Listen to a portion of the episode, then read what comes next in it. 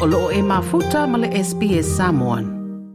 O whaamomonga fau me le ofisa fwe numera whaamawina Australia, le Australian Bureau of Statistics, o whaero aire si itia mawalunga o lea whaero tangata wale ni whale no fwai.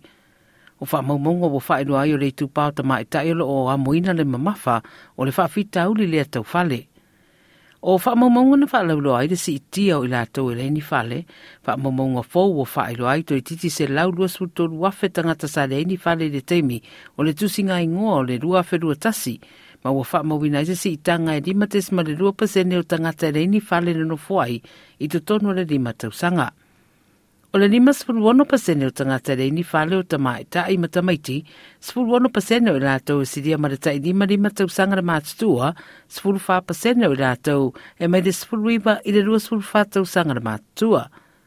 O le si tanga upito i te lele e i tūranga wha pe Tasmania lama ia, le wha mai e fasu lima pasene o si iti ai.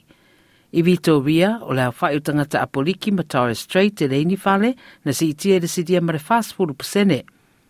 O kulupu e ofia the Council to Homeless Persons in Melbourne, po me le pone ua walau nei mo se ngai o inga vave, e whai titi aire ma ta upuri aire le e yuni whale no fwoi tangata. Whai maire whai ngā malo o tūra i maire te minei, wa lewa na ngai o i rea ma ta upu. O le minister o whale Julie Collins wa ia whai roa, o lo ia i le pide le leipa mo whaputu ngā tupe se fulpidi ona mo whale, e ma whai na ngā whatia lea ua whaauru nei i le parlamenei. Property Council said, quote, the quicker of all of these mechanisms are up and running, the better. National Shelter described it as, quote, the most critical housing legislation to be brought forward for the past 10 years. That's what people are saying Order. about our Housing Australia Future Fund and our legislation.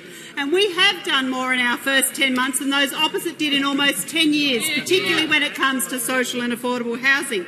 Ai o nisi cross benches wa la tau fai mai e le lama lea e wha feiroa i aile mana ongolo ngolo i ai, pe foi wha mana to the Greens. Fai mai le taita ai o Adam Band, ai titi mai pe lima piliona i le tau sanga mana o mia ato ai ma le tau fia o rent. Fai mai ia o le le ngai e a tiri wha te tele ai le wha fitauri.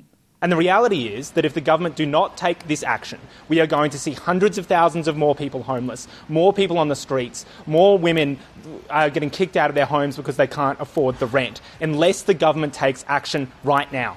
O se lipo ti fōu wa whaalauroa i le sōma le Australian Council of Social Services, wa whaeloa i o mātua tai tōtasi, single parents, tangata malanga mai i le atunuu, i lātou e leini ngā ruenga ma tangata e au mau, ua māsani ma le mātitiba.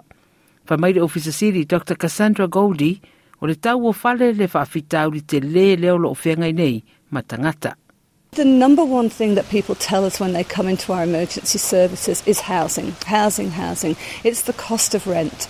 Rent in particular has soared above all level of CPI increase, above inflation, above wages and certainly above welfare benefits. ua silafia uma le toʻatele le tulaga lē kuinselani ma o faamaumauga na faamatuu mai le amataga o lenei vaiaso ua faamauina ai aitiiti mai i se lau lima sulu afe aiga i le setete lea o loo feagai ma faafitau le taufale ma pea ma le tolu se lau afe tagata o loo iai i se tulaga lamatia i le leai o ni mea na nofo ai o le sui premier stephen miles seia saunoa o le mālō o lo to ya nga isa ili se si fo fo nga fat e ta u fa le mototongi pe a fa e se fo no tanga tele le mata u pu le i le vai e se fo A freeze for two years is quite different to suggesting there should be limits on how much it can go up, don't you think? We should be able to have a conversation about whether there should be uh, any regulation of how much rents can go up and how often they can be increased.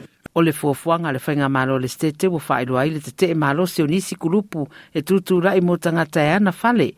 fai mai Antonia Mercorella o le whaalulunga o le Real Estate Institute i Queensland. It beggars belief that we're standing here today talking about a proposed rent cap.